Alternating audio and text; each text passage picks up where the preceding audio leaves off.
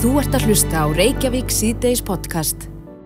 Jæja, Sindri minn, þú er bara í góðu skap í dag. Er í góðu skapi, heyrðu, hérna, við vorum að tala um leikumarkaðin á hann Mhm. og hann er ógeðslega erfiður. Það er ekki bara erfitt að fá íbúð, þegar þú síðan loksins ert búin að finna drauma íbúðina, þá eru bara örgulega gríðarlega mikla líkur á því að þú fáur hana bara alls ekki, af því að kröfurnar eru svo miklar að Já. þú standist þar að segja þessar kröfur leigu salans. Já, en uh, já, við vorum náttúrulega líka bara hérna á síðustu dögum að tala um fastegnamarkaðin, fastegna verður að hækka, leigu verður að hækka. Þetta er, ég held að það sé ekki auðvelt ef að maður yfir höfu vill komast af leigumarkaði og yfir á húsnæðismarkaðin, þá er það erfitt. Sem langt flestir vilja gera. Já, ég myndi nú allavega halda það, en við rákumst á áhugaverða frétt af manni. Hann er að leita sér íbúð til leigu, en uh, auglýsingin hans hefur vakið mikla aðtegli, en það er hún frekar óheðbundin. En þarna er hann bræði austfjörð að- segja frá því að hann sé að leita tvekja til fjóra herbyggi íbúð á Akureyri eða Reykjavík og svo koma gröfurnar. Það eru hansi miklar, um, hann vill, vill fá meðmæli frá fyrir leigjendum, sem er nú eðlilegt kannski í hináttina, mm -hmm. leigu sali og skreftir meðmælum og, og uh, já, sanna að hann sé ekki á sakaskrá og fleira í þeim dúr. En við erum komin í samband við hann Braga Austfjörð sem er stattur fyrir norðan, komdu sæll Bragi. Sælverið. Hver er svona ástæðin fyrir því að, að, að þú ákvæðast að, að skrifa þetta? Já, gegnum tíðina þá hafa leigusalarnast að fara fram á óraunhæfar kröfur, þannig að ég ákvaða bara að býta á móti og, og setja upp þessa kröfur. Er, er þetta svipar kröfur sem að leigu salar hafa í, í gegnum tíðina krafið þig um að þú sért ekki á sakaskrá, já, til dæmis að vera reiklaus og fleira í þeim dúr? Já, þetta er svipað en samt svolítið langt frá því að því að síðast í leigusalinn sem ég ætlaði að fara að leia hjá, hann vildi endilega fara að skoða vinnarlistan hjá mér. Nú, Til þess að komast að því hver að þú þekktir eða, eða hver var tilgangur með því? Já, bara hvernig lífs, lífstíli minn væri og slið. Ég vildi koma inn á íbúinum sem ég var að leia fyrir og sjá hvernig ég lifði. já, það er kannski of mikið, en fyrst er svona, langt. en varðandi þessa kröfu, hva, hvaða kröfur er eðlilegt uh, að fara fram á? Þú veist, af, hendi leigusala? Mér finnst eðlilegt að fá meðmæli. Mér finnst það mjög eðlilegt að fá meðmæli frá fyrrum leyendum. Greiðslusögu? Greiðslusögu þess vegna og líka sína fram á það að íbúinu sé ekki í flót, þannig sé ekki missa allt um niður um sig. Og Ég lendi því líka fyrir nokkur ári síðan að hérna að vera að leia og svo allt innu fekk ég bref frá íbúðalána sjónum og ég hefði mánuð til að koma út. Já, að þetta- Með kannski tilhærandi kostnaði við það að flytja? Já, það, það kostar allt sig. Akkurat. En, en Bragi, þú ert eins og framkemur hér, ert þú á leigumarkaði? Ertu búin að vera lengi á leigumarkaði? Já, ég er búin að vera að lega markana alveg frá allt mitt líf. Og er, ertu, ertu að reyna að komast af honum eða ertu bara sáttur þar sem þú ert? Nei, ég er bara sátt við það sem er. Ég sé enga tilgjöng nýja að vera að vesla á húsnaði í dag. nei, en kannski ekki í dag, en, en kannski einhver tíman af því að þetta er rosalegt óöryggi, er það ekki? Já, það er óöryggi í dag. Er lí- Þetta er líka bara það að það tekur næri 40 ára eignast húsnaði og á þessu 40 árum þá erum við þá kannski búin að borga húsnaði tvisar til fimmsunum á þeim tíma. Mm Þannig að mér finnst að vera óraunhæft að kaupa íbúir á Íslandi.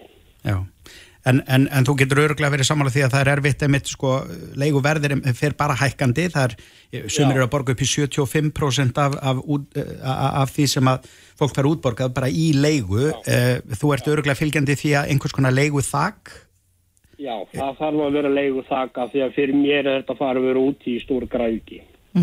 maður spyrja hvað þú ert að borga mánuði og fyrir hvað stórt? Svo, um, akkurat núna þá er þetta kringu 160.000 70 fermetrar. Já, Á Akureyri. og það er á akkurinn náttúrulega, það er lagra þar. Já, En, en eins og þú segir, að þá hefur þú verið á leigumarkaði lengi. Eh, Ert þú þá þá ekki búin að fylgjast bara hreinlega með þessum hækkunum eiga sér stað? jú, hverjum eins og það. Þetta var mjög fínt hérna akkurat fyrir svona tíu ára síðan þangað til að hérna fleiri reikvingar komið hérna fyrir að kaupa og þá fóra leigumarkarna að rúka upp. Já. Og þá voru þeir ekki enn til að kaupa til að búa heldur kannski til að leiða Bara út. til þess að leiða. Já, bara til að leiða út. Já. En hvernig hefur verið tekið í þessa, þessa grein þína? Herðu, ég er búin að vera að fylgjast með henni í allan dag og ég er búin að vera að taka eftir að það er búin að koma mismundi sögur frá fólki varðandi slæma leigursala. Já, eins og hvað, kontum en dæmi. Sko sjá. Sjá. Fyndi ykkur að góða fyrir okkur. Já, ég skal finna einhverja góða. Um, gemur hérna, var eitt sinna að leia íbúð í hlýðum, ég var að búin að búa þar í áttamánu, var nýbúin að egnast yngsta barnum minn. Þegar ég fæ e-mail um að setja eigi íbúðan á sölu. Bila mikið vesinn og leiðindi með nýfætt barn og tvö önnur. Anna þeirra var eiginlega nýbyrjað í leikskólanum í göttinu, þryggja mánuða uppsagnarfrestur. Ég fann fullkomna íbúð en þurfti að taka við henni tveimu mánuðum fyrr algjörlega ómögulegt að losa mig undan samningi mánuði fyrir svo ég þurfti að greiða tvær leikur og fá lán hjá foreldri fyrir tryggingu þarna í mánuð. Engin skilningur hjá korum við leikur. Sko. Ég sé svo íbúin að auðvitað til leikur 50.000 krónum minna. Já, þannig að henni, henni var þá hent út og svo bara leikt aftur. Já, leikt aftur og bara útýrari. Jáhá. Vá. Þannig að þetta er svona einstæmi. Já. Það eru fleiri sögur á, á þessu pósti hjá mér. sko. Mm En ég sé að það er líka margir að mæla með svona leigu félögum. Hefur þú skoðað það eitthvað að, að leia hjá já, búseta eða, eða- einhverjum þannig? Nei, ég hef ekkert spáð því en það get alveg svo vel ég fara bara að skoða það. Akkurat. Já, við allavega vonum að, að þeir gangi vel í leitinni en, en hefur eitthvað heyrt frá einhverjum leigusölum um það hvort að það sé já, raunhæft að krefja leigusala um þessar upplýsingar sem þú beður um? Nei, ég fengi neitt allt frá leigjendum. Það var bara verið að senda mig skilbúð og finnast þetta flott hjá mér að setja þessu kröfu fram. Já, það máttu svo sem búast til þessu. Að það væri einmitt frá, hvað segirðu? Já, þetta, þetta er bara flott. Já, já. Herru, já, þetta, hérna, þetta var forvitnilegt að, að lesa og, og, og hérna, eins og ég sagði hérna eh, fyrr, að, að þú er greinilega mikill húmoristi en það er náttúrulega, það er brottur í þessu og hérna, Það er brottur í þessu. og, og, og svona emitt, hvað þetta getur verið erfitt að Já. vera náttúrulega á leikumarkaði og, og, og, og bara hækkandi verð og, og endalösa kröfur, en bara gangiði rosalega vel í, í framtíðinni, Bræði Östfjörð. Já, takk hjá fyrir það. Takk fyrir að tala við okkur. Bless, Takk, bless. takk, bye bye. Þú ert að hlusta á Reykjavík síðdeis podcast. Í gær fengum við til okkar hann Baldur Þórhalsson, prófessor í stjórnmálafræði við Háskóla Íslands. Og uh, já, svona í inganginu þá fórum við að tala um að, að framsókn væri svo gríðalega góður í stöðu. Og vorum að tala um þessa fimm mögulegu meiri hluta í borginni. En uh, hann Baldur var nú ekki alveg sammála þessari greiningu sem við höfum nú ekki bara talað um hér heldur í öllum miðlum að framsókn sem er pálmann í höndunum, hann segir og alveg hægt að taka undir með honum að, að viðreist er í gríðalega sterkri stöðu hér í borginni vegna þess að já, svona eini raunhæfi meirulutin sem að sjálfstæðisflokkurinn gæti myndað stendur hún veru og fellur með viðreist. Já, og þetta er nú svona umræði sem að í raun ég hafði ekkert heyrt bara fyrir en í gær Nei. og ég er alveg sem að þessi umræði hafi glatt e, Þórdísi Lóu sem að hinga er mætt til okkar, verður velkomin Takk fyrir þá, góðan daginn. Góðan dag. daginn. Þetta er nú, þetta er nú eitthvað sem þú varst pottet búin að vera að hugsa um en það var svo sem þetta var ekki endilega það sem fólk var búin, bú, búið að vera að tala um Nei, þetta var nú mjög áhugaverð grein hjá honum, og- greining, skulum við segja. Og hérna, en eh, staðan er nú samt sem áður þannig, alveg þó að þetta ilji svolítið, þegar maður hérna bognaði smá í kostningunum, að þá er nú samt sem áður boltinn hjá framsókn. Og þannig að það er svona hinn hin blákaldi veruleiki, er nú bara þar, sko. en, en hérna, en auðvitað er þetta náttúrulega búið að vera, sko, skringilegi tímar og þetta er ekki í fyrsta skipti sem við göngum í gegnum þetta, þetta er alveg sami rithmi á 2018, það minnir mig bara mjög mikið á það. Allir fara heim í hér að eins og maður segir og tala við sitt bakland og sunnudag og svo mánudagurinn fyrir að hittast og, og hérna og við köllum þetta þreyfingar og þetta er í rauninni bara samtöl. Það er enga formlega viðræður hafnar að ég bestu veit og ég held að það fari ekkit fram hjá okkur þegar að þær hefjast. En þú segir einmitt að, að þú hafið svona aðeins bognað og kannski ekki skrítið, þú ert þarna rétt fyrir kostningar að þá skrifar þarna greinum að þessar kostningar snúist um tröst þið slifið þarna í 5% uh, þýðir það að, að reykvikingar treysti bara ekki viðrist til að vera með Ég held að megi lesa út úr, lesa út úr þessum kostningum ímislegt en, og, og það er staðreind að meir hlutin fjall og það bara verður að viðurkenna það og það, og það, og það var ekki derfið, það var bara staðreind. Hins vegar sko fjallu, hann, fjallu ekki stóru máli, hann var kosið um nokkuð stóru mál og, og vel yfir 60% kjósenda uh, letu flokka, eða letu atkvæsi til flokka þar sem snýrist um samgöngusáttmálan sem er risa mál, miklu starri heldur en hann hljómar. Í grunninn, hann snýr um skipulag, hann snýr um húsnæðismál og hann snýr að samgöngum og mislaðum gatnamótum skiljiði og borgarlínunni allri.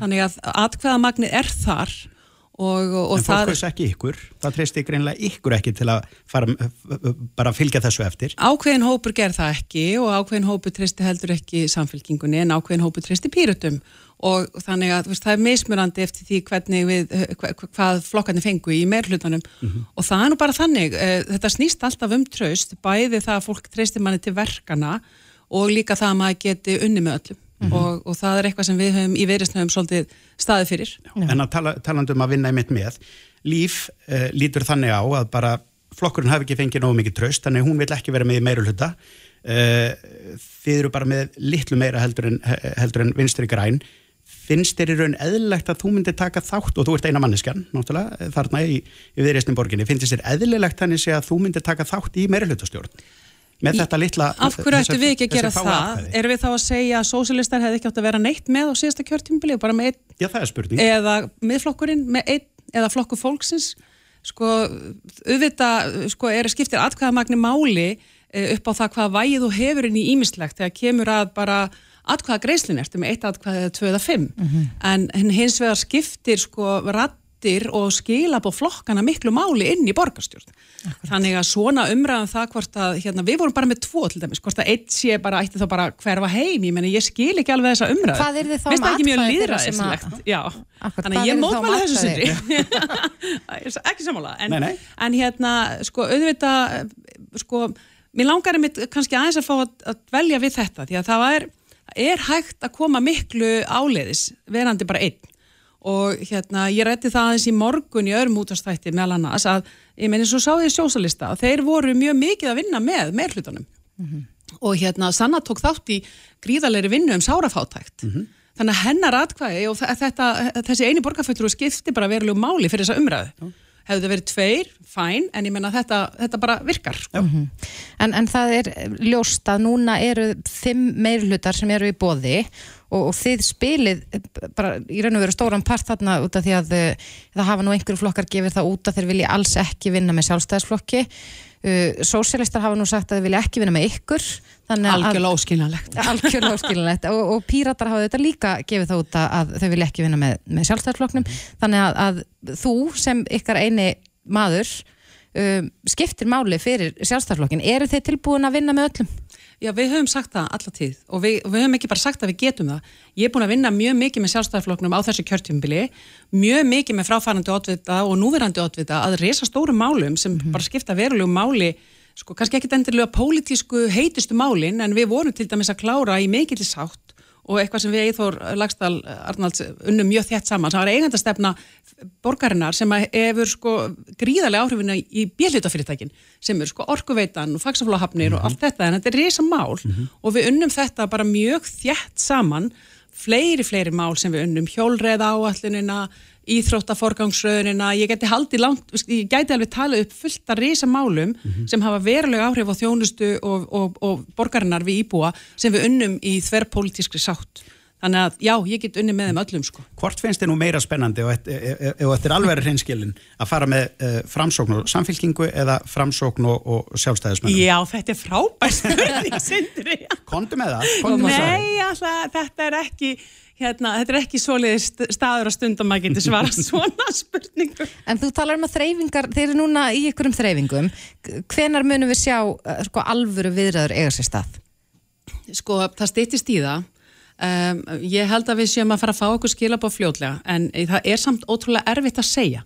Uh, sko, það eru ennþá allir að tala við alla og, eh, og svo, svo veldur þetta mjög mikið svolítið á, á, á framsóknum þau eru í likil stöðu þó svo að við erum spila hérna ákveði vægi inn og við séum smá mm. en þá, þá er það samt sem áður framsók sem að núna situr svolítið með boltan í hendinni og, og hérna, við býðum aðeins bara mm -hmm. En þið í raun og veru hafið það mikið vald akkurat núna að ef að sjálfstæðarsflokkurinn vill verið meirluta og þið segir nei, þá er sjálfstæðarsflokkurinn í mjög erfiri stöðu Staðan getur verið svolítið þröngja en hún er, og það er út af mörgum ástæðum, þið töldu það blákjallu upp hérna á þann, það eru flokkar sem eru búin að útiloka aðra flokka og það þrengir bara stöðuna mm -hmm. og það þrengir stöðuna fyrir ímsa sannlega fyrir sjálfstæðarflokkin í ákveðnum en líka fyrir, fyrir aðra. Ég meina líka fyrir okkur í viðrist, mér er sósialistar eru búin að lýsa því yfir að þeir vilja ekki vinna með okkur mm -hmm. og það þrengi líka okkar stöðu sko. Mm -hmm. Þannig að þetta er svona ennþá bara á reyfingu þetta borð. Þú sagði fyrir fjórum árum að þeir langaði og getur vel hugsaðir að verða borgastjóri. Er það ennþá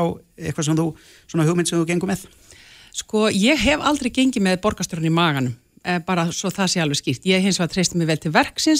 hef verið borgastjóri, við skulum ekki gleyma því ég hef búin að vera staðgengið borgastjóra þannig ég hef sint starfinu uh, bara mjög oft átt kjörtjumbilna en það leysi ég borgastjóra af mm -hmm. uh, ég, get ég það og vilja það klárlega, bara sannarlega myndi ég hérna, vilja það, en þetta snýst ekki um það og ég hef aldrei hent því útspili út, ég er ekki þannig pólitíkus mm -hmm. og það kannski, kannski þarf ég bara að verða meira þannig pólitíkus fyrir næstu kostninga, maður þarf að hugsa það mm -hmm. en mér finnst meira máli skipta, við vinnum saman af heilindum að málefnunum okkar því að veist, það eru bara, við erum eh, nútímalegt eh, frjálslind tæri sinnað afl mm -hmm. út frá miðju við erum hérna, við minnum alltaf út frá almanahagsmunum mm -hmm. og það er bara ofslega stert í okkur mm -hmm. jafnbretti og lofslagsmál, þetta er bara svona hryggjast í við reist mhm. og þar eru við og við, okkur finnst skipta máli að koma verkefnunum veist, áfram mm -hmm. Þess, borgin er bara þróun í næstu 10-20 ára, nú skiptir öll máli fyrir bara börnin okkar og barnabörnin okkar mm -hmm. En svona ljósið sem þetta þú segir að þið eruð hærað sinna afl, mm -hmm. hæra megin við miðju finnst þið þá ekki spennandi með þetta að fara með sjálfstæðisflokknu núna fyrst þú ert búin að prófa, prófa eh, að fara til vinstri meir hluti sem að er fallin Mér finnst bara frábært að vinna í báðar áttir sindri Ég veit ég langar rosa mikið í eitthvað konkrétt svar. Ég langar bara að fá svar. Ég held að við séum ekki að fara að fá eitthvað konkrétt svar akkurat núna. Sko ég get bara unnið, ég hef unnið mikið með sjálfstafloknum og mér finnst það frábært. Ég hef unnið mjög mikið með öllum öðrum og mér finnst það líka bara stórfínt. Mhm. Þannig að, og svo má ekki gleyma því, við erum 23 borgarfulltrúar og við verðum að vinna saman. Já. En þá verði líka að spyrja svona núna, ég hef spurtið þessara spurningar einu sinni áður, nummer 1, 2 og 3 hvað viltu laga í borginni? Ég veit þegar við potið gert fullt fínt, en það það líka laga fullt nummer 1, 2 og 3, hvað viltu laga? Hvað viltu gera enn betra? Ég vil uh, bæta þjónustuna þegar það kemur að svona stafrænum möguleikum, svona bara fólkið í borginni er að sækjum leikskóla, skóla, heimaþjónustu reysa þjónustu, ég vil uh, laga aðgengi fólks að þessu út frá stafrænu veruleika mm -hmm. og uh, ég held að það sé svona stóra framtíðamálið, svo er það bara þessi skipulags og lofslagsmál ég vil bara borgin verði heilbrið, góð og falli og skemmtileg mm -hmm. fyrir alla. Ég vil spyrja rétt að lókum vegna þess að það var ansi áhugavert hérna nokkur um dögum fyrir kostningar þegar að það voru nú frekar svart sína spár uh, sem byrtist í skoðanakonunum að þá var eins og að það hefði farið bara heil hér af stað uh, til þess að styðja Pavel. Og, og ekki bara fólk frá ykkur. Já, bara úr öllum áttum. Er, er mikill missir af Pavel úr, úr uh, borgarstjórn?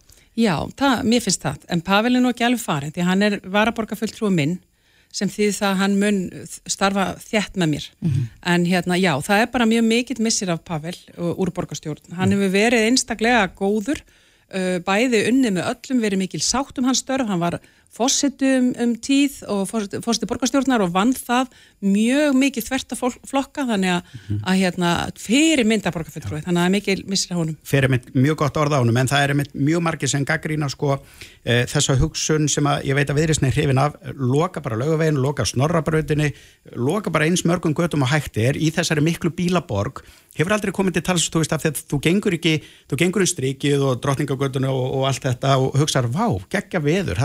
veður, lappa hérna um, en þeir eru, þú veist, tíu mánuði á ári er frábært veður þetta í Skandinavíu og þeir, þeir fá ekki rugning, regninguna upp svona eins og hér, akkur ekki bara loka á geggjum dögum, 17. júni, geiprætt, menninganótt og svo bara ákveða að geggja veður í dag 20. hiti við bara lokum, hínadagana, þegar það er bara þriðudagur, februar kallt úti, þú ert á ísrúndunum þá er gaman að kera niður löguvegin og það er hvort þið er lengin úti af því að það er svo úkslega kallt og vant viður er ekki hægt að fara einhvern svona milliveg á milli þeirra sem að búi miðbænum starfi miðbænum er alltaf hjólandi og gangandi og vilja bara alls í gungugötur versus þeir sem búi grafói og vilja mitt keira niður bæ og keira um göturnar er ekki hægt að fara einhvern milliveg í staðin fyrir að segja bara við viljum ópið, við viljum bara loka Við erum í raunin að fara milliveg nú þegar, með, það er mjög lítill hluti í lögavæsins í rauninni loka. Það er svo erfitt, sko, umferðarljósin þau virka mjög sitt á hvað, uh, þú veist, er, þú þarft þú þarft að mitt að fara niður lögaveginu, svo þarft að fara sko, upp hverfiskutuna eða, þetta er ekki svona... Þetta er skemmtilegt útvarp, við þyrstum kort.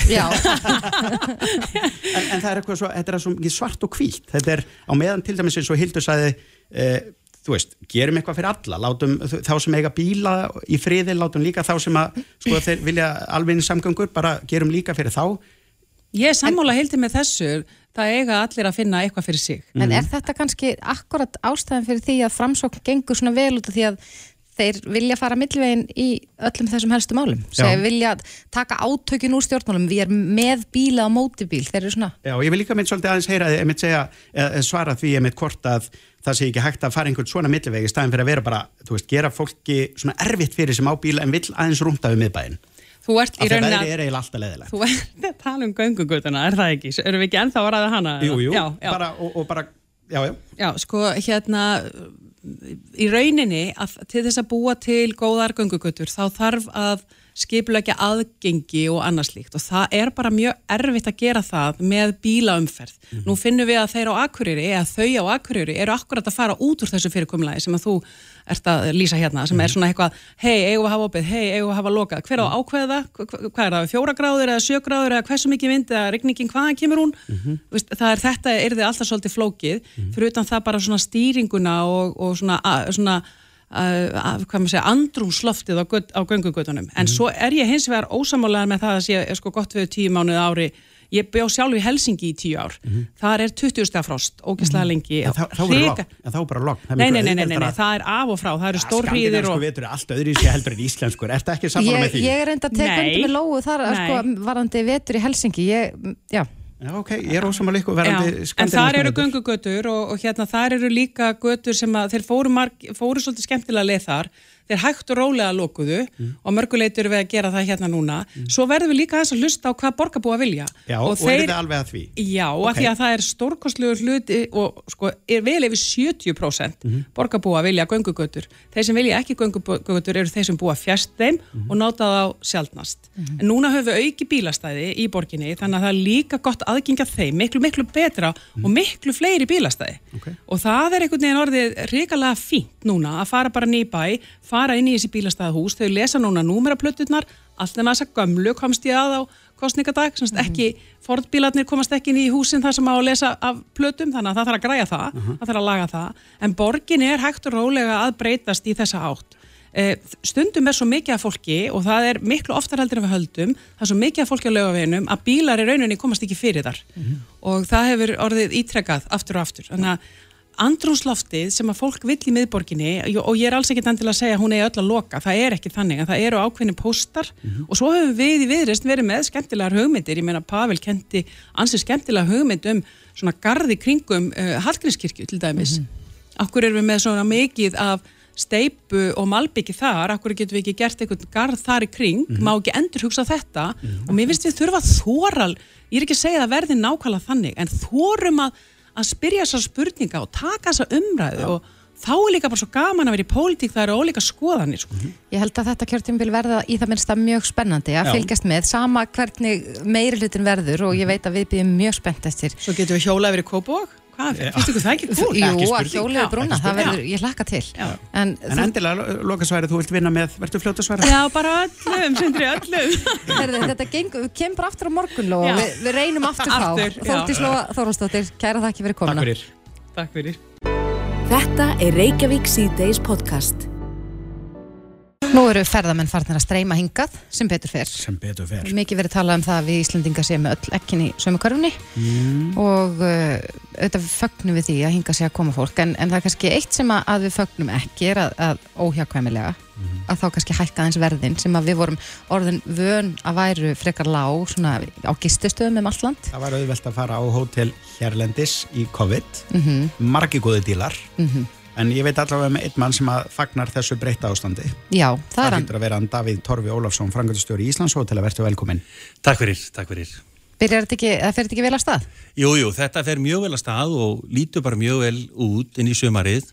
En ég ætla nú að fá að mótmæla aðeins, sko. Er það? Að, já, auðvitað, það var auðvitað þannig að þegar við vorum að gangi gegnum COVID-ið, þá hérna þá uh, ákvaðum við að setja þessi herfer, þessi tilbúð í gang sem við vorum að stílinu innanlandsmarkaðin og það var auðvitað meðal annars vegna þess að við vildum reyna að halda hótelunum opnum, halda fólkinu í vinnu, við fengum auðvitað aðgerð ríkistjórnarinnar, þær hjálpuð okkur mm -hmm.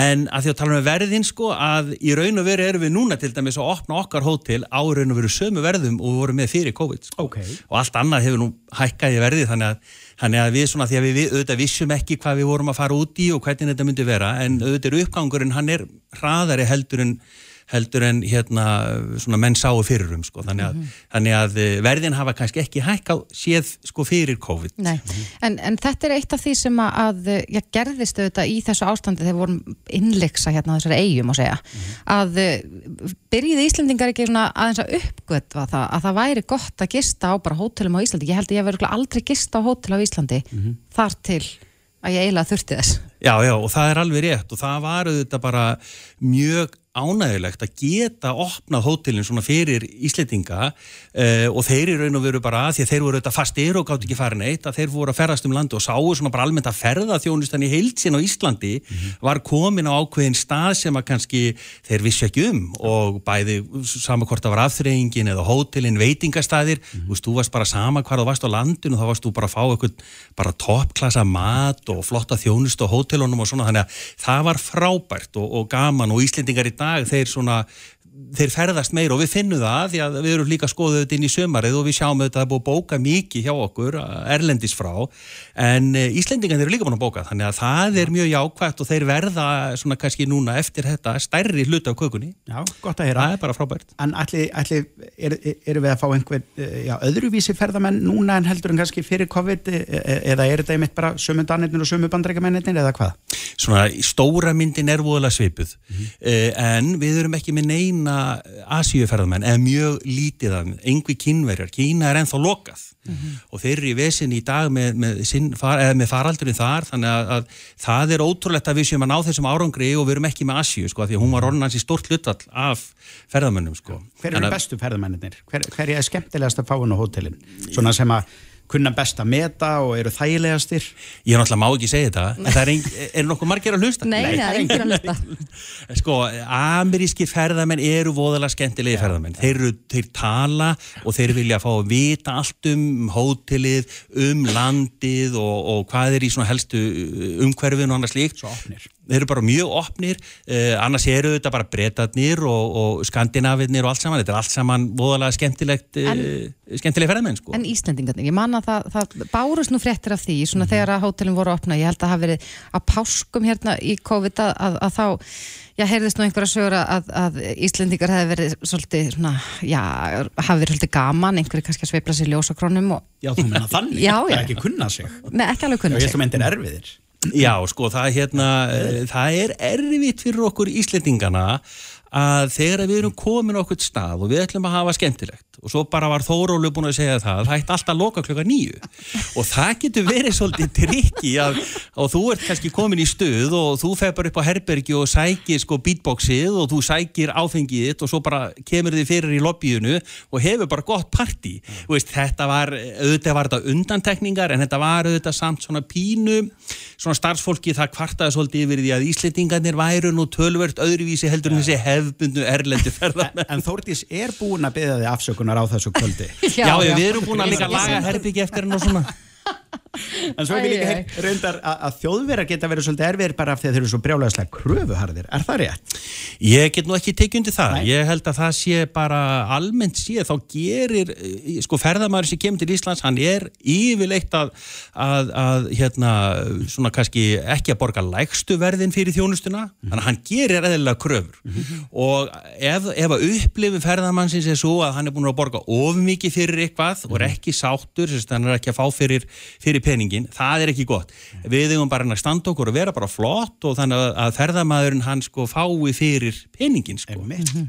En svo, það, svo þarf það manna uh, þessi hótel af því ég veit sko að þeir eru með 17 hótel á ákveðin tímabilið þurftu að loka öllum nema einu þannig að vel gert hjá ykkur að halda ykkur á floti bara eftir alla þennan tíma en, en núna náttúrulega hefur þurft að ráða fólk tilbaka og það reynist bara erfitt eða ekki? Jú, það er búið að vera hérna, eh, já, búið að vera bara töluvert hérna, svona smá þrautaganga að manna öll hótelina því að sum hótel eru búin að lokuð alveg bara frá upphafi faraldus í tvö ár og rúmlega það. Þannig að, að það er búið að vera svolítið trikki veist, e, þetta er samt núna sem betur fyrir sér fyrir endan á þessu en það er bara mikið af fólkinu sem var í vinni hjá okkur sem bara farið í annað, annarkort er það farið heim til sín eða að því að þetta er nú eh, bara þannig að þetta er eh, byggt upp á erlendu vinnuafli og, og þá, hérna, þá hefur mi- mikið af þessu fólki bara farið heim en, en sem betur fyrir þá en sé núna fyrir endan á þessu en þetta var að því að við líka ákvæðum að opna sko sjö hótel öll á sama deginum og hvað fannst það ansi góð hugmynd en svona eftir og heikja hefðu kannski þurft að dreifa því örlíti en þetta, þetta gekk allt saman og við erum klári sumarið. En hvað með eins og unga Íslendinga? Nú man ég eftir því þegar ég var í námi að maður var alltaf að leita sér að sömarstarfi nennir allt já. Eh, Hvað með, hvað með unga Íslendinga? Jú, þeir eru þetta líka hjá okkur og fólk sem er í, krakkar sem er í skóla og koma til okkar. Eh, og við erum að skaffa þessu fólki húsnæði og fæði þar sem það kemur út á landavinna og, en það hefur nú verið svona mesta vandamálað að manna þessi hótel út á landi sko. En því miður er bara of lítið af því sko. Það er bara, það er bara já, ég held að, að Íslendingurinn svona yfir höfuð, hann, hann finnst kannski ekki dóla spennandi að, veist, að vinna með skóla og vera að þrýfa herbyggið eitthvað þannig að veist, við, ég held að við séum svo góðu vön sko. Veist, ég held að það sé svolítið málið sko. Eitt sem ég verða hrósaði fyrir, sko, hérna, ég fekk hund fyrir tveimur árum og hérna fannst það brjálæðislega góð hugmyndi COVID og hérna, en, en svo byrjaði maður að ferðast einmitt um landið, fá hótel, ólíkt því sem gengur og gerist út á, í útlöndum, þar sem greinlega færri virðast vera með ofnæmi, já, já, ég segi það bara, en það er bara erfitt að, finna hótel eh, sem leifir dýr, lítil dýr, hérna hunda, ketti, aðla hunda, hérna, en þið leifið þetta. Já, við tókum bara hérna, strax hérna, þennan pól í hæðina þegar við sildum inn í sömari 2020 að við ætlum að setja það í gang að bjóða hunda velkomna. Og við bara byrjuðum að auðlýsa það að hundar að vera velkomnir á öllum hérna, hótelum Íslandshóteli sem eru Fosshótelin og Grand Hotel og Hótel Reykjavík Centrum. Og, uh, og svo fengum við símtal frá, frá hérna, einn ágæti manneskifu sem að sagði bara, heyrðu, hvernig var það, voru þið búin að fá leiði fyrir þessu? Og við horfðum á hvernig annar og sagði, nei, heyrðu, við þurfum kannski að fá leiði fyrir þessu. Þú þurftu að fá leifi fyrir bara hundahaldið eða hvað? Já, þú þarft að sækja um undan þáu að, að leifa hunda inn á hótelinu. Og það er allt í svona auðvitað, þetta er allt undir ákveðnu reglum, þú veist, þeir eru ekki að hlaupa frjálsur um hótelið en eitt svo leiðis þannig að hérna, en þetta var svona, svona þú veist, surprise, þannig að við settum það bara í ferli í gang og sóttum bara um leifi á öllum hótelum okkar Það og var ekkit vesen, endur nýjum þetta núna bara í síðustu áramót, þannig að við erum með þetta út næsta ár, er þetta bara þannig að við verum með hunda á hótelunum. Já, hafa einhverju kvartað yfir þessu?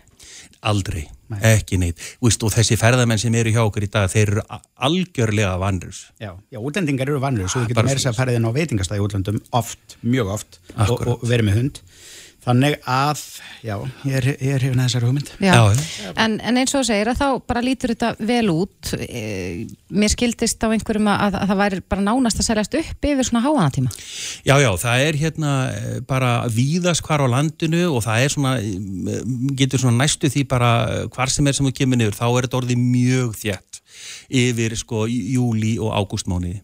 Já. Og, uh, og ég segi bara við fólk sko þeir eitthvað skoðar ef eitthvað að fara að ferðast og svona sko þá þarf bara svona, veist, heldur betur að fara að huga því Júni en en þá opinn og, og Já, september. júni, er, er, júni og september eru svona mánuðir sem eru mjög skemmtilega og sérstaklega svo september, frábært að ferðast um landi í september, Mhm. uh, en þetta eru vaksandi mánuðir og hérna áður fyrir var þetta, þetta bara alltaf, sko, júli, ágúst og svo var bara eh, lokuðu menn og allt búið Mhm. en það hefur nú sem betur fyrir tekst á, á, á hérna, þessu öllu saman og september var mjög góða mánuð líka. Já. Ferð þú sjálfur á þessu hótel bara reglulega til að gista og svona, tjekka hvernig er að vera ferðamæður á eigin hóteli? Já, já, þetta er, og borða matinn og sofa í rúmunum, allt saman blessa þetta, þetta er bara hluti af jobbinu. Já. er mm Hljóman er svo mjög gott jobb en Davíð Torfi Ólafsson, framkvæmtastjóri Íslandsvotara Kæra þakki fyrir komuna. Takk, takk fyrir mig.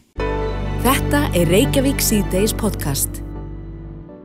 Inn á atvinnulífinun á vísi.is er, er verið að fjalla um þetta sem við rættum hér í vikunni stóru uppsögnina. Það er að, að já, gert er það fyrir því að fjölmarki muni segja upp störfum og, og fara að gigga. Mér finnst það skemmtilegt að segja að fara að gigga. Já, En, en hugsa eh, alltaf um tónlistaratrið. Já, en, en hins vegar að þá er þetta bara það sem blasir við okkur að eftir þetta heimsfaraldurs ástand að þá er fólk ekkert alveg tilbúið að fara aftur í 8-4 vinnuna sína og sita við eitthvað skrippborð eitthvað staðar og, og vill kannski bara hafa meira frjálsræði í því hvar það vinnur. En uh, við rákumst á áhugaverða grein í gær sem að hann skrifar hann Tómas Ragnars. Hann er eigandi Rekus á Íslandi. Þar sem hann er að tala um þetta og segir í raun og veru að, að skrifstofan sé barn síns tíma. En hann Tómas er á línunni kom til sæll. Já, komið blær, blessuð. Já, hvað meinar með því að, að skrifstofan sé barn síns tíma? Já, það er bara eins og ég segi hérna í greininni og, og hérna tek orð hérna Brian hjá Airbnb að þetta er eiginlega bara galin hugmynd að, að hérna, sko, ef skrifstofan er fundin upp í dag, ef við myndum finna hann upp í dag, þá er ég ekki alveg vissum að hún myndi vera, þá myndi við að spyrja sér til hvers, sko, því að, sko, fólki bara starfar öðruvísi heldur en, heldur en það gerði. Og, og, og það á svona minna við að, að hérna, fólk vilja vera á saman staðnum og þurfa að kera langa vegalendir á sama staðin en þannig að þessi hugmyndafræði er svona bara orðin svona barsist tíma sem. Og þá ertu náttúrulega ekki bara að meina það að fólk siti inn á skrifstofunni sinni, þú ert ekki bara að tala um einmitt opnu rýmin, heldur bara að, að fólk í mörgum störfum allavega þurfi ekki endilega að vera inn í einhverju fyrirtæki eða getur bara að sitja heima hjá sér eða á kaffihúsi og unni vinnina sína saminsku samlega þar.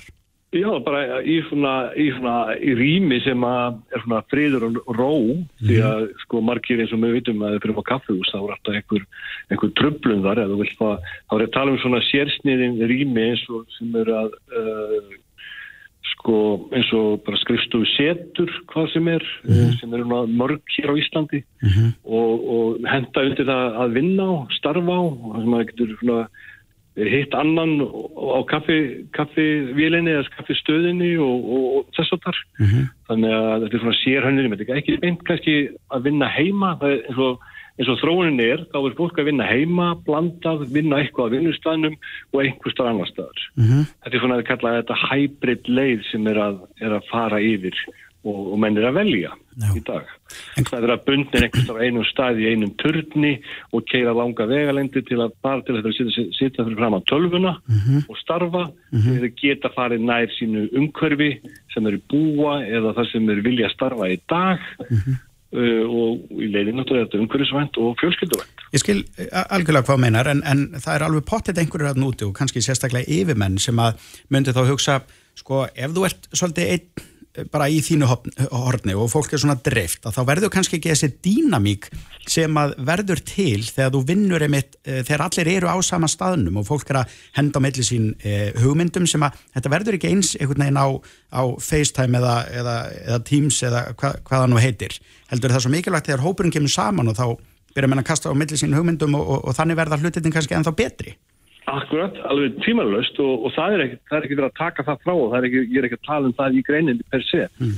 Það er að tala um blöndu að þessu þrennu. Að vinna heima hjá sér, vinna nálægt heima hjá sér og stundum á þessum klassíska stað á, á, á skrifstofu fyrirtækisins. okay. Og þar kom allir saman, þar er þessi dýnamik, en þessi dýnamik er ekki kannski beint heima þegar við vinnum heima, en hún er svona nærði að vera dýnamik að þú ferða á okkur stað þar sem aðrir er að búa til skapandi hluti uh, og er að starfa eh, kannski, og, og það er svona samleið í kringu það. Þannig að eins og til dæmis Rekus á Íslandi, það eru alls konar fyrirtæki sama komin og menn hittast á kaffistöðinni eða í samina rýminu og, og diskutera og annað og það er það sem fólk fær kannski ekki beint með að vinna heima hjá sér á eldhúsborðinu eða stofaborðinu eða í sér útbúna herbygginu sem hefur búið að búa til út af þessu flens en það faraldri sem var að ganga hérna yfir. En, en heldur þú að, að þetta sé þróunin? Er, eru svona rannsóknir og fleira að sína að, að þetta er það sem fólk vill í auknum mæli? Hafa meira frjálsræðum hvar það er að vinna og hvenar er, það er bara orðið krafan og ég held bara næstu kjærasamlingar þeir eru búin átt að segja því að þetta verður bara svona sett inn í næstu kjærasamlingar í Íslandi. Mm. Því að hvar sem er ellendis er þetta bara að krafa starfsmanna að fá að starfa í sínu nær umhverfi. Mhm. Og ef fyrirtæki ætla að ná í hæfleitriðt fólk og ætla að ná í besta fólki þá þarf að gefa fólki þann sveigalega að fá að starfa. Og, og það er sko uh, markaðin orðið þannig að að þetta er alveg óháð landi hvaðan þú fær bara besta starfsmannin í þetta ákveðna tjók, hvar sem hann er í heiminum. Og þetta er rosalega tækið fyrir Íslandinga líka. Já. En nú Þegar var, að starfa hvar sem er. Já, það var mikið talað um það hér í svona miðjum heimsfaldri, þá var hún Þórtís Kolbrún Reykjörð Gilvardóttir, þá var hún ferðamálur á þeirra og hún fór af stað með svona herrferð að reyna að fá sérfræðinga sem að geta unnið sitt starf og háð staðsetningu að koma hinga og þetta ætti að verða einhver svona fjárvinnu paradís fyrir eh, já, erlenda sérfræðinga. Hafa, eh, hefur þú átt samtöl við stjórnvöld um þetta? Hefur verið einhver samvinna í gangi um að, um að já, hýsa þetta fólk? Nei, ekki, ekki beint við okkur en við höfum tekið á móti tveim fyrirtækjum sem hafa komið hingað heim til Íslands og til að unnvinna að þetta er bara í þessum faraldri þá fannst þið bara meiri sveigjanleiki í Íslandi eins og var heldur en ellendis og það komur og þetta starfsfólk kom ellendis frá og var hérna og vann. Þannig að við fundum aðeins fyrir voru eða við sem bara tvö fyrirtæki. En, en þetta er eitthvað prógress sem er ennþá í gangi heldur þannig að þetta er það sem mun sanna sig á einhverju lengri tíma. En, en finnur ekki samt einmitt al, alveg fyrir því, nú hefur maður bara sjálfur bara við með við eitt fyrirtæki. Eh, eh, hérna að, að fyrirtæki séu alveg meðvituð um þetta, þetta er náttúrulega erfitt í mörgum störfum, flugfræðin getur þetta ekki eða, eða, eða, eða læknirinn en, en, en hérna bara stjórnendur, að þeir séu ekki opnir alveg fyrir því í dag að, að, að fólk geti þannig sé verið hver sem er?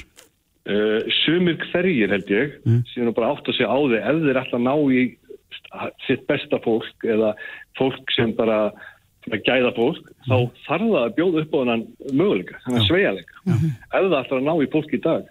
Fyrirtæki ellendis eru búin að átt að segja á þessu og, og þetta eru raunin ellendis og bara í Skandinavíu, Englandi og hvar sem er í kringum okkur.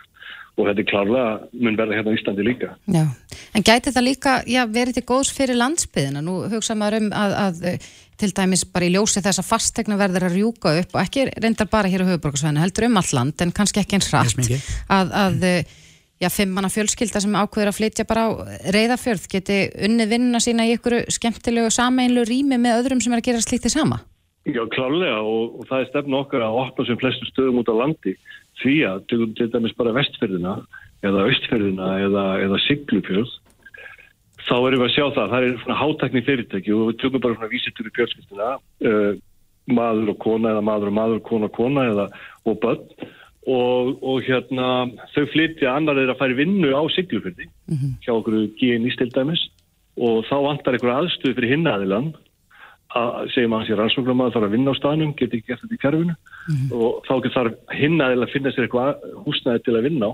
Og þá þarf náttúrulega svona aðstæði að vera til staðar, góð skrifstofu aðstæða eða aðstæða þannig að svona sem bara er á pari við það sem gerist annars þær í heiminum til að lafa þessu svona fólk út á land. Þannig að sé alvöru aðstæða fyrir þetta fólk. Og, og hérna því það er að vinna flesta vinnur í fjárvinn þú nefndir læknir til áðan það er hægt að vinna læknis uh, svona læknismáli í gegnum fjárvinnu einnig og sálfræði og annað og það er bara komið og það er framtíðin. Akkurat. Þeir eru að gera skurðagerir í gegnum netið. Já, Nú, nú átti ég mig ekki að því hvernig það er í ósköpunum gert. Hefur séð þetta mitt að þetta er, þetta er framtíðin? Þetta er framtíðin, við erum allavega að tala um framtíðina en við erum að hraðri leiðþangað og, og, og kannski er tími til komin að maður fara að átta sig á því en það er líka sko, við notum alltaf orðið framtíðin en þetta er nú bara nútímin eða bara það sem er í dag. Þetta er umvel komið þetta er að við erum að tala um hluti með fjarskrifstofur og annað sem er ekkert framtíðin, þetta er bara núið. Já, þetta er áhugavert. Og verður gaman að fylgjast með þróuninni í þessum málum en Tómas Ragnars, eigandi Rekus og Íslandi Kæra þakki fyrir spjallið. Takk að kjalla fyrir okkur. Reykjavík síðdeis á Bilginni podcast. Þorðís, hérna um árið, þá fór ég í hústjórnarskólan ekki Já. til að læra, Nei, heldur þetta var einslega fyrir Ísland í dag, þar sem ég talaði við hana Margreti Sigfúsdóttur, sem stjórnaði skólanum veit í 24 ár, já, merkilegt að koma þangað inn. Já. Og hérna, húsið svo fallegt og frábært starf sem greinilega var unnið þarna. Algjörlega. einhver myndi segja barsins tíma. Já, einhver myndur segja það. Sko, ég held að þetta hafi nú það gæti verið rámtjöfn en ég held að þetta hafi einu sinni heiti sko húsmæðraskólin já, Já, þannig að það er kannski batsins tíma. Nú er þetta hústjórnarskólinn og ég á vinkonum sem hafa farið í þetta nám og þær eru framúrskarandi á mörgum sviðum með að við. Ég á ekki nál, nei, mér tvinna. nei, Þannig að Ég kann ekki að baka, ég kann ekki Ég vona mamma mín sé ekki að lusta. Ég er góð örgli ykkur öðru en ég er ekki mjög góð í þessu. Ekki sérlega góð húsmóður. Sendi herran var bara ofi upptekinn við að gera eitthvað annað en ala þig upp. Já, hún var, alltaf að vinna. Törnum um það segna En um, hins vegar, þá er ný kona að taka við sem skólameistar í hústjórnarskólanum í Reykjavík Núna er mánamótin og það er hún Marta Maria Arnarsdóttir og hún er sest hérna hjá okkur, komdu sæl. Já, sæl. Vertu velkomin Takk fyrir það. Þú, ég veit þú ákvæmst að fara í íslensku í háskólanum og, og kennaran, búin að vinna uh, sem kennari, en Já. svo ert að taka við þessu, þessu starfi í dag af Margréti. Já, Af það er hverju? rétt. Eh, Mér hefur lengi langað til þess að verða skólamistari í húsnámsskólanum í Reykjavík. Mm. -hmm. Hafði hugsað mér að sækja um setna á lífsliðinni Mhm. þegar er þið orðin gömul kona. En svo stóðst ég bara ekki máti þegar ég sá að staðan var auglýst núna á vormánuðum. Þannig að ég ákvað bara sækja um. Hafður þú farið í gegnum þennan skóla kannski líka? Já, fyrir sjö árum síðan þá var ég sjálf í húsnámsskólanum og það var bara, já, eina bara einn besta önn lífsmýrs. Og hvað er það nákvæmlega sem að maður lærir í þessum skóla? Það er alls konar. Maður lærir auðvitað fyrst og fremst matreyslu og ræstingu, alls konar vandi það, og síðan alls konar handafinu, vefnað, fatasum, útsum, hekl, prjón og svo auðvitað vörufræði og næringafræði líka. Þannig að það er alltaf góð undirstaða fyrir lífið og auðvitað fyrir áframhaldinu nám en maður vill, já, fara í nám tengt þessu. En, en er þetta bara síns tíma? Hvað finnst þér? Alls ekki. Eh, Ég sé alveg gríðarlega tækifæri í þessum skóla. Það er einmitt eh, sem ber svo mikið þetta á sjálfbarni og nýttni í dag og öllu því tengdu og það er akkur það sem við erum að kenna í hústundaskólanum. Þannig að það mætti alveg segja að skólinn væri akkur í tísku í dag en það er kannski ekki að allir sem vita af honum að það sé bara hérna hústundaskóli í Vesturbæð Reykjavíkur og Sólvallagötunni e, í þessu- í þessari glæsilegu byggingu. Já, þetta er bara svo höll. Algjörlega, þetta er bara eins og að koma inn í Downton Abbey eða eitthvað. Algjörlega. En þetta er náttúrulega bara mjög rökrétt. Ég menna við búum öll einhver staðar, Mhm. við höldum heimili, ég menna að halda heimili er að reka fyrirtæki. Nákvæmlega, og hvað ætlar að læra það? og hvar ætlar að læra það? Ég held að flestir séu örugglega bara að læra þetta á YouTube í dag. En ég hefði mjög gott af því að læra bara að stoppa í sokka. Saman hér, og það er líka kannski ekki það en, en einmitt. Elda.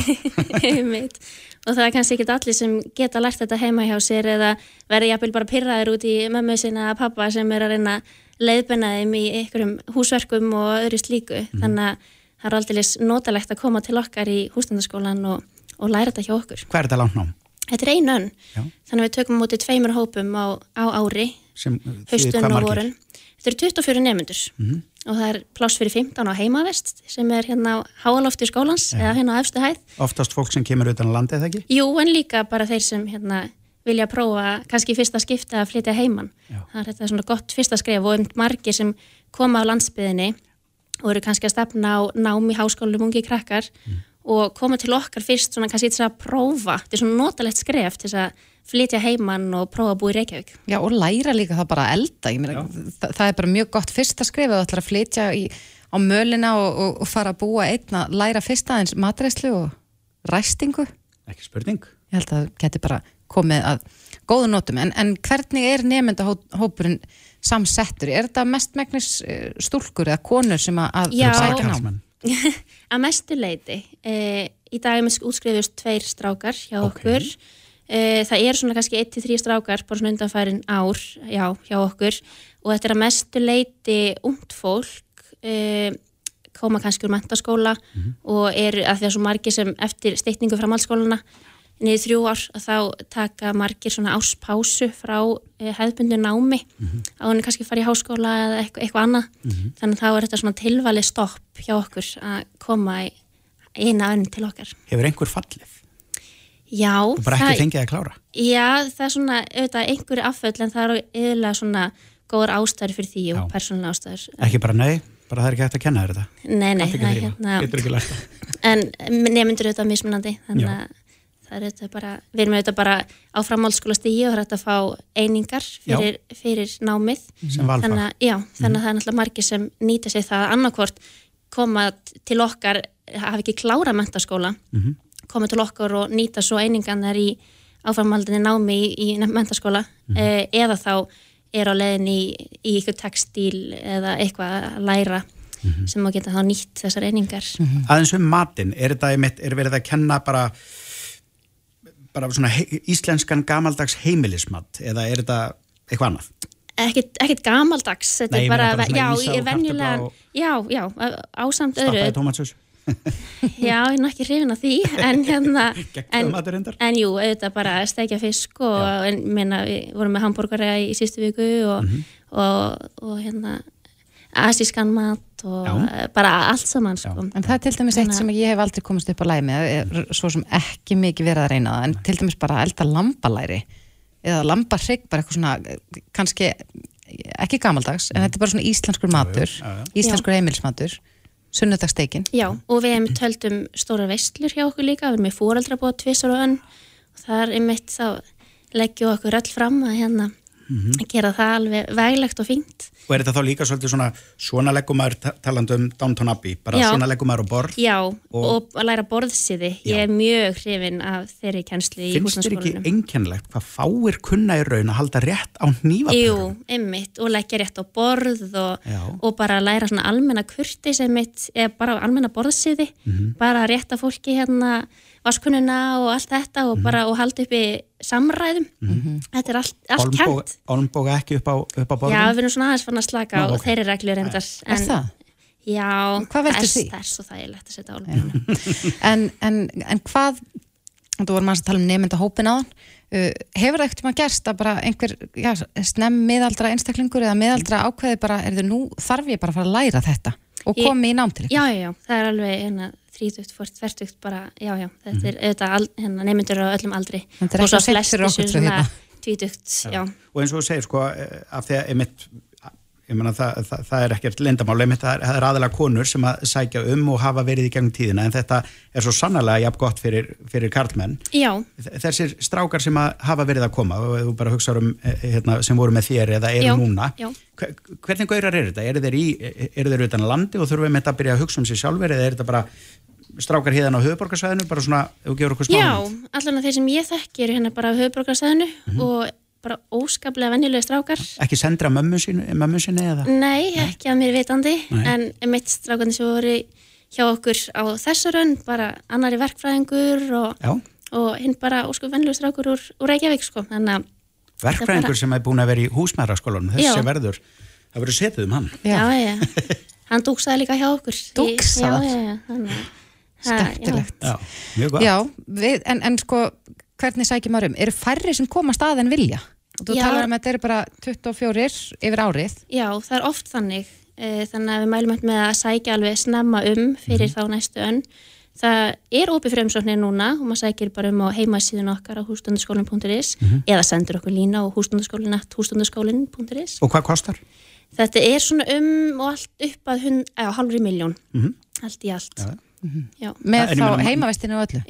Já. og, og öllu þessu. Það er mjög ódýrt að vera á heimavistinni hjá okkur. Að Það er bara, Já. já. en ég velti líka fyrir mér einmitt af því ég kom þarna inn fyrir einhverjum árun síðan rosalega fallegt hús en það þarf alveg að fara aðeins að ditta að því er, er farið alveg fjármagn til, til að reka þetta og, og hver kemur þá að það hefur verið mjög takmarka fjármagn mm. síðustu ár. Ég veit að þegar Margrét tók við fyrir já, 24 árum síðan að þá fekk hún gott fjármagn frá mentamálaráðunitinu til þess að sinna að, já, ditta að húsinu og sinna viðhaldi. En síðan þá hefur bara nánast ekkert fjármagn rinnið til skólans. Þannig að það þarf sannlega að huga að viðbótum og endurbótum hjá okkur. Þannig að ég vona innilega að það komi eitthvað fjármagn til okkar. Af því að það verður þetta svo dýrt ef það er ekkert, já, ef það er ekki haldið við, eða húsin ekki haldið við, að þá verður það svo dýrar. Hérna, já, breytingar og Já, það bara mun verra. Ég, ég vildi að fólk sæði þig af því að þú ert ábærslega proper og hugulega og snirtilega manneska hérna varstu svona líka sem úlingur þú veist, var herbyggið þitt alltaf spikk og span byrjar riksu áður en allir aðrir þekktur alltaf mun á þóttálu þurkara Alls og varstu ekki. duglega að þrýfa Nei, ég get ekki sagt það. Lærið þeir þetta í hústjórnarskólinu? Já, auðvitað bara heimilinu mín líka, en já, ég lærði þetta virkilega vel í húsnarskólanum. Já, kannski rétt að lokum. og að þrýfa á fimmtudöfum og svona. Það Já, er já. Það er endar mjög gott trikk að, að þrýfa á 50 dögum, þá fer maður sko með reynt heimilin í helgina. En Marta, Marja, ég ætla að spyrja líka því, ætlar að gera eitthvað breytingar? Verða eitthvað breytingar á námskráni eða ætlar að bara halda áfram því sem að, að var þegar þú að engar stórvægilega breytingar til að byrja með. Ég ætla ekki að koma hérna ung og breyta öllu, alls ekki, enda skila margir af sér mjög góðu starfi og það er í mjög, já, mjög góðum farfi eins og það er núna.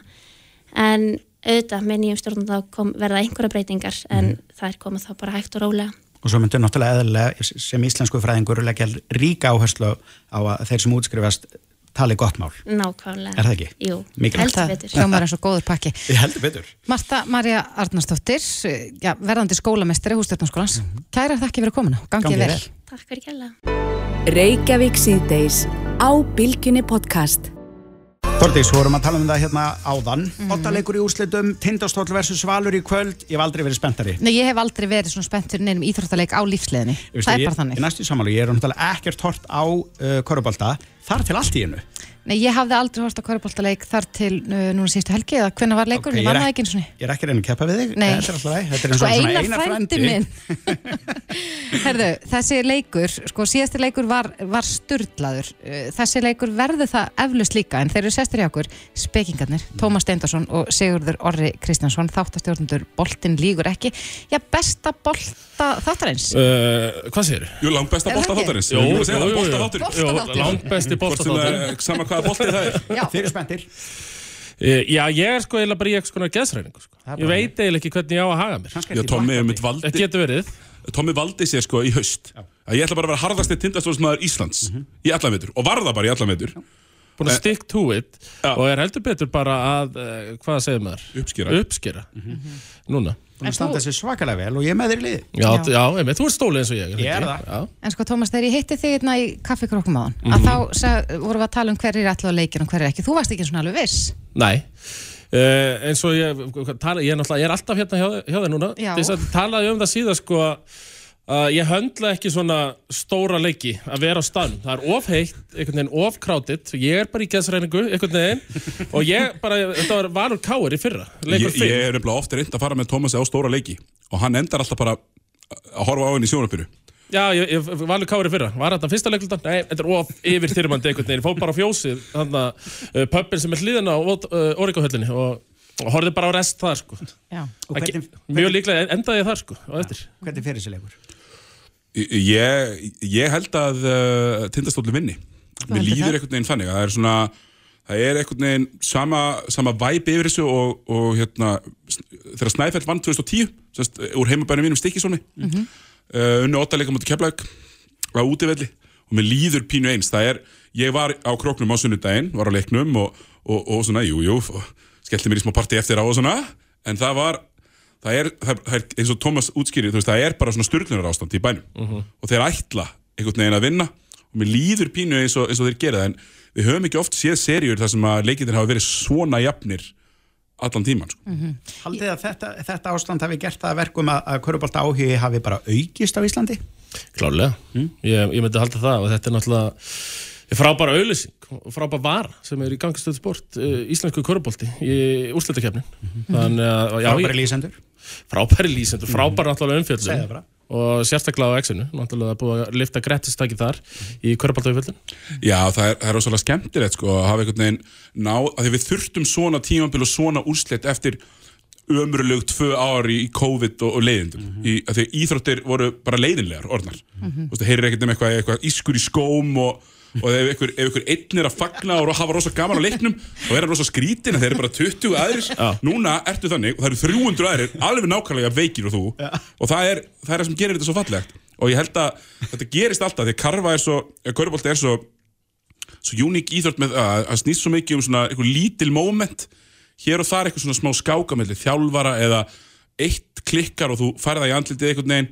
Og þetta gerist alltaf þegar það er svona stór seri við sáum allur bærin var að tala um val á móti káir í fyrra.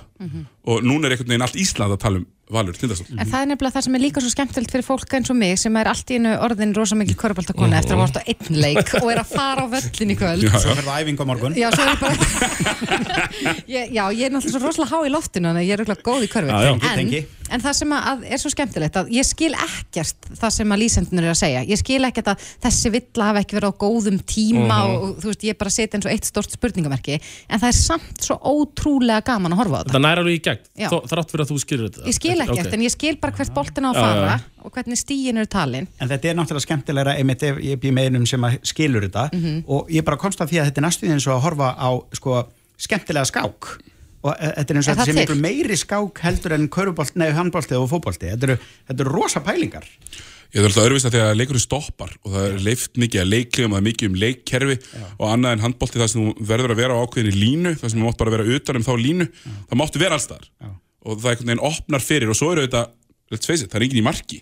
Nei. það, er, það er bara rosalega lítill ringur og þú þarf bara að hafa skotið 20.000 sinnum á æfinni á þennan ring til þess að geta gert það almennilega. Já, og svo líka einmitt þetta eins og ég kom einmitt hérna eh, fyrir þá einhvern tíma síðan það sem að ég sagði sko, nú það eru bara 7 mínútur eftir. Nei, nei, það er bara rosalega mikið. Það geta verið 30-40 mínútur Já. í, í rauntíma sko. Já, ég var að lýsa hérna úslutunum í NBA í fyrra hérna á stöðusport uh, og þá var, var ég mjög mikið að byrja klukkan halv eitt og enda klukkan halv fimm af því að loka mínútunum tókast svona langa tíma. En það sem, er, það sem ég veist best við köruna er að þú þarft svo lítið.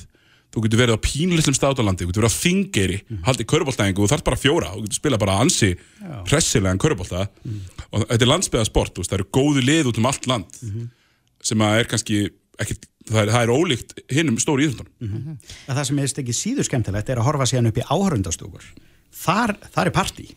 Já, ég, ég var orðin að tala, ta, að tala um það þetta hinum megin sko að náttúrulega fyrstileikur tindastól sem átti keflaði var 5. april og það eru 200-300 ungi strákar hérna á Söðakróki sem eru bara búin að vera á þryggjadaða fresti bara á einhvers konar bendir, sex vikur.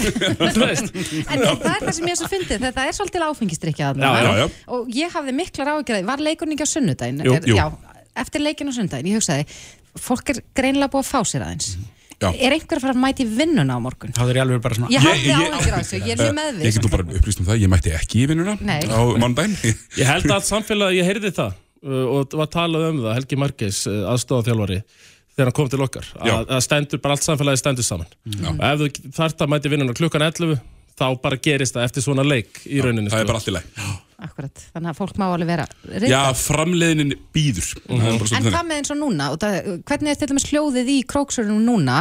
Uh, ég veit að það voru einhverjum mjög pyrraðar yfir því hversu fáa miða þeir fengu. Já. Ég- Hvernig er- endaði það? Þetta er náttúrulega bara sko, skort, skorturinn er þannig að þú veist, takmörku gæði á leiknum og Valur má selja þúsund miða og, mm. og láta hinn að selja 500 eða þessum 1500 en svo gruna með að verði nú fleiri uh, í kvöld.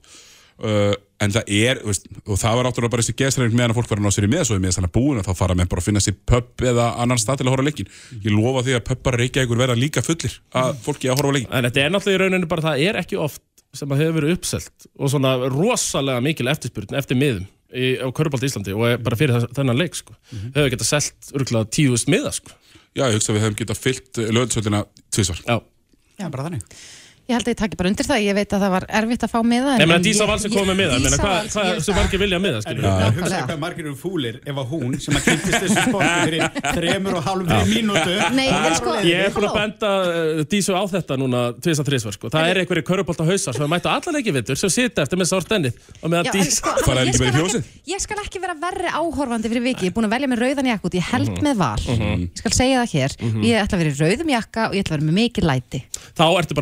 ekki? jú, jú, Þá algjörlega velkomin Þá segja ég bara eins og IBVF sungum sko, komið þið fagnandi, komið Já. þið fagnandi Það verður að bjóða að nýja aðla velkomna, halló. Rétt Jó, við í Körubólta fjölskyldunni erum uh, mjög inklusív Já. Það verður nú ég við heyri það.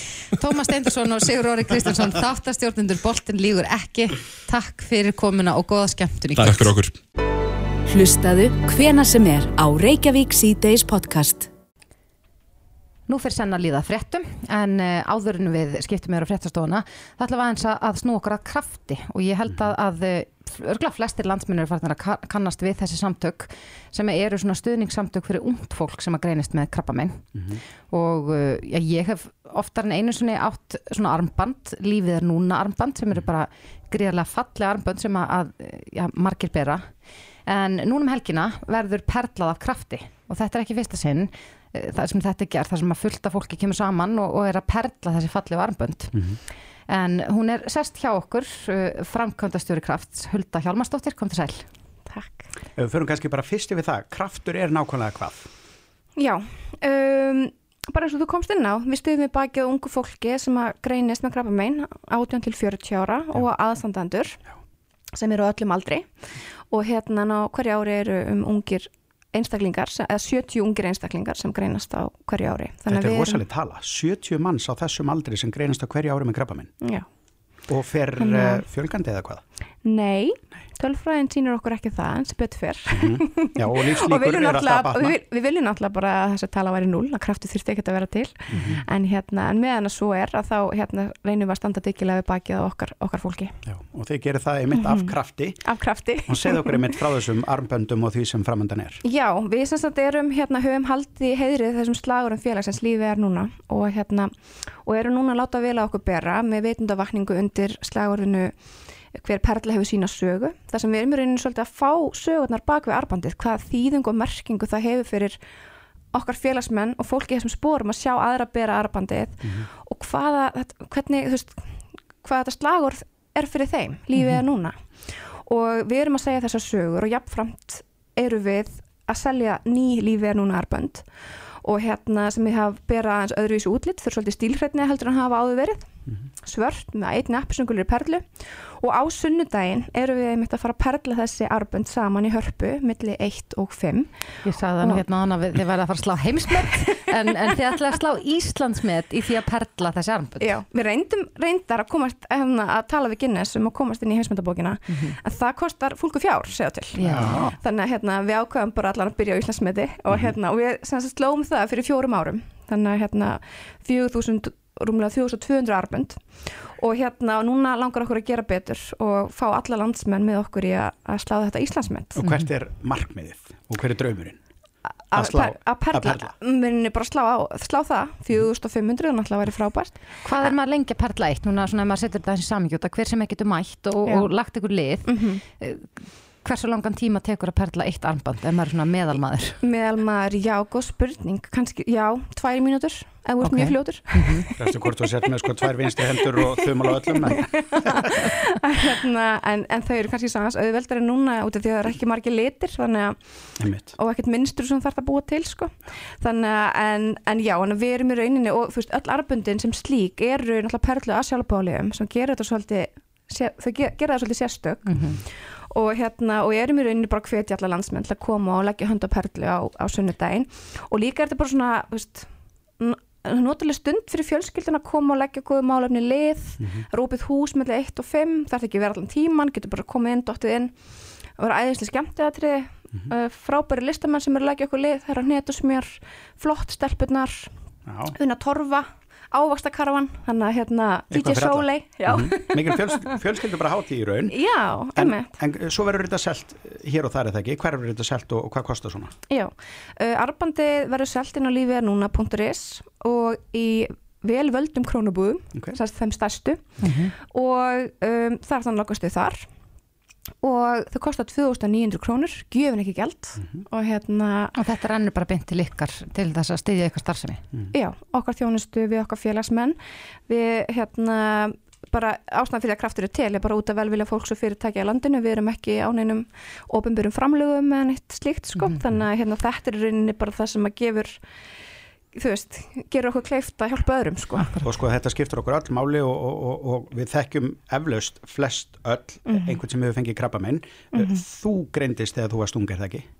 Jú, þegar ég var 15 ára þá greinist ég með bráðkvítblæði þannig að ég hef svona fengið já, hef fengið að reyna þetta á svona einskinni og hérna og bara eins og ég segi, ég er náttúrulega ótrúlega þakklátt að ég sé núna í dag búin að lifa rauninni lengur eftir krabba mein heldur en fyrir. Það var svona Tímamót. já, tímamót. Og hérna en já, þannig að maður þekkir þetta og, og líka bara veit hvað það skiptir miklu máli að finna fyrir þessum stuðningi sko, þú veist. En mér langar nú að spyrja vegna þess að, að ykkar sláður er, lífið er núna. Er það sammert með ykkar, ykkar uh, ja, skjólstæðingum sem að leita til ykkar að fólk fær svona ákveðna nýja sín á lífið þegar maður greinist með krabba að, að finna það meira hversu mikilvægt það er að lifa lífinu á meðan að, að maður getur. með maður getur algjörlega, þú veist, það verður náttúrulega þú veist, margir tala um það þegar þú verður, þess að greinist með lífsóknandi sjúkdóm að, þú veist þú fattar allt í hennu bara já, þú veist lífið er ekki endalist og, og sérstaklega þú er náttúrulega ungur einstaklingur sem kannski bara eðlilega ert ekki með hugun af því hvernig þú myndi eiga eða eitthvað slíkt að hérna, þá, þá verður þetta svolítið svona ljóslefandi bara vá, þú veist, við höfum bara takmarkaðan tíma og hvað ætlum við að gera meðan við erum, á, veist, erum í þessu lífi, skilur þannig að hérna, og líka bara, þú veist njóta stund, allra stundana, skilur sama hvort það eru góður að slæmar eða Heldur Þú að þú hefur litið lífið öðrum augum uh, eftir þennan tíma sko, sko hefður ekki fengið krabba minn heldur þú verður, heldur þú sért öðruvísi manninska í dag af því að þú fegst krabba minn heldur en hefður ekki fengið þennan sjúkdóm þú veist, lætur litlu hlutin ekki pyrra þig eða er klárlega. alltaf svona meðvituð um hvort heppin eða, eða hamingisum eða þakklátt? Nei, vístu hvað, ég hérna alveg definitely eh, hérna hefur það haft áhrif á minn hugsunagang og annað, en það líka bara er ótrúlega dýrmætt fyrir mig, ég er alltaf að starfa hjá félaginu og fæ að kynnast svo ógrinni af fólki sem að er að takast á við þessi veikindi, þannig að það er áminning fyrir mig á hverjum degi, bara þú veist að, að það er ekkit sjálfgefið, skilur og hérna, þannig að þú veist, það að starfa fyrir félagi er í rauninni bara alltaf áminning um það, skilur hvað lífið er dýrmætt og hérna, við höfum bara eitthvað x tíma til þess að njóta þess sko, meðan það er. En við hvetjum alla til þess að mæta í hörpu á sunnudaginn, þú sagði að milli 1 og 6 millir 1 og 5 1 og 5 og svo tók ég eftir því að þið verði líka á Akureyri viku síðar. Já, við ætlum að leggja leið okkar norður og perla með uh, akureyringum og norðmönnum. Hvar verið þið þá? brekkurskóla Já. Og hérna þannig að þeir sem eru búsettir á landsbyðinni fyrir norðan með bara endilega leggja leið sína nýri brekkurskóla 28. mæ og leggja krafti lið. Já, gott málefni. Hulda Hjálmarsdóttir, framkvæmtastjóri Krafts Kærar þakki fyrir komuna. Já, takk. Reykjavík síðdeis á Bilginni podcast.